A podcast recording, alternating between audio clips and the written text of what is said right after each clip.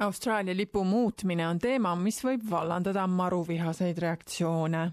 üks ülikooli uuring tõi selle vaidlusküsimuse taas pinnale. doktor Benjamin Jones Lääne-Sydney ülikoolist viib läbi uuringut, mis keskendub Austraalia lipu teemalistele arvamustele ning hoiakutele doktor Jonesi sõnul saadab Austraalia lipp, mille nurgas on Union Jack ehk Suurbritannia riigilipp, endiselt riigi koloniaalse mineviku külge klammerdumise sõnumit.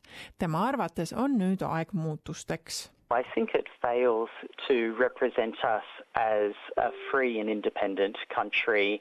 It represents the British Dominion that we were in 1901, not the thriving, vibrant, multicultural nation that we are today kuid Philip Benwell Austraalia monarhistide liigast vaidleb vastu ning ütleb, et praegune Austraalia lipp peegeldab riigi minevikku. The flag means a lot to people, particularly to those who have fought under the flag uh, and to many Australians who value the flag. It, it represents our country, our system of government, and virtually everything that we are.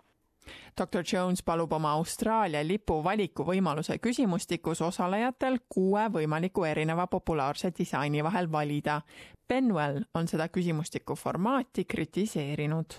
There's nothing wrong in having a survey provided the correct and proper information is put forward. But in this instance, we don't think it has. There's no uh, alternative viewpoint. There's no provision for people to vote to retain the existing flag, and I think that's wrong. doktor Jones kaitseb oma küsimustikku, öeldes, et osalejatel on võimalus välja öelda, kui neile ükski välja käidud variantidest ei sobi. Tema sõnul on selles üks küsimus, mis küsib, kas lippu peaks üldse uue vastu välja vahetama see küsimustik on osaliselt inspireeritud praegu aset leidvast kaheosalisest Uus-Meremaa lipureferendumist, mille viimase osa hääletus toimub märtsikuus. doktor Jones ütleb, et Austraalial pole kunagi olnud demokraatlikut võimalust oma lippe valida. We had a competition in 1901 that only offered advice and it needed to have a British emblem in there and a symbol of the British Empire And in 1953, the Menzies government simply passed a Flags Act to say this is now the Australian national flag. Kuid Benwell ütleb, et tuhande üheksasaja esimese aasta lipukonkursile laekus üle kolmekümne kahe tuhande Austraalia mehe, naise ja lapsepoolset võistlustööd.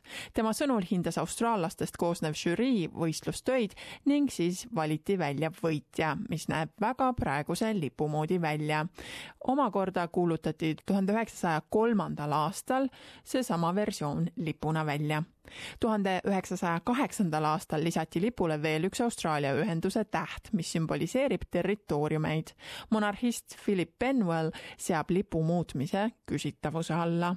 The Australian flag as it stands represents the people that built up modern Australia. It represents the institutions that came to us from the British. We have the, the, English language, our laws came from Britain, our constitution derived from Britain, but then became totally Australian. But we shouldn't, because we are Australian, just chuck our past aside. Kuid Austraalia lepitusorganisatsiooni tegevjuht Justin Mohamed ütleb, et praeguses Austraalia lipus ei peegeldu riigi põlisrahvaste minevik. I'd like to be able to look at a flag and say say that flag represents um, the land which we stand on, the people which um, have looked after this land for uh, decades and centuries. Lääne-Sydney ülikooli lipu küsitluses osalejatel on oma valikust teada andmiseks aega Austraalia päevani ehk kahekümne kuuenda jaanuarini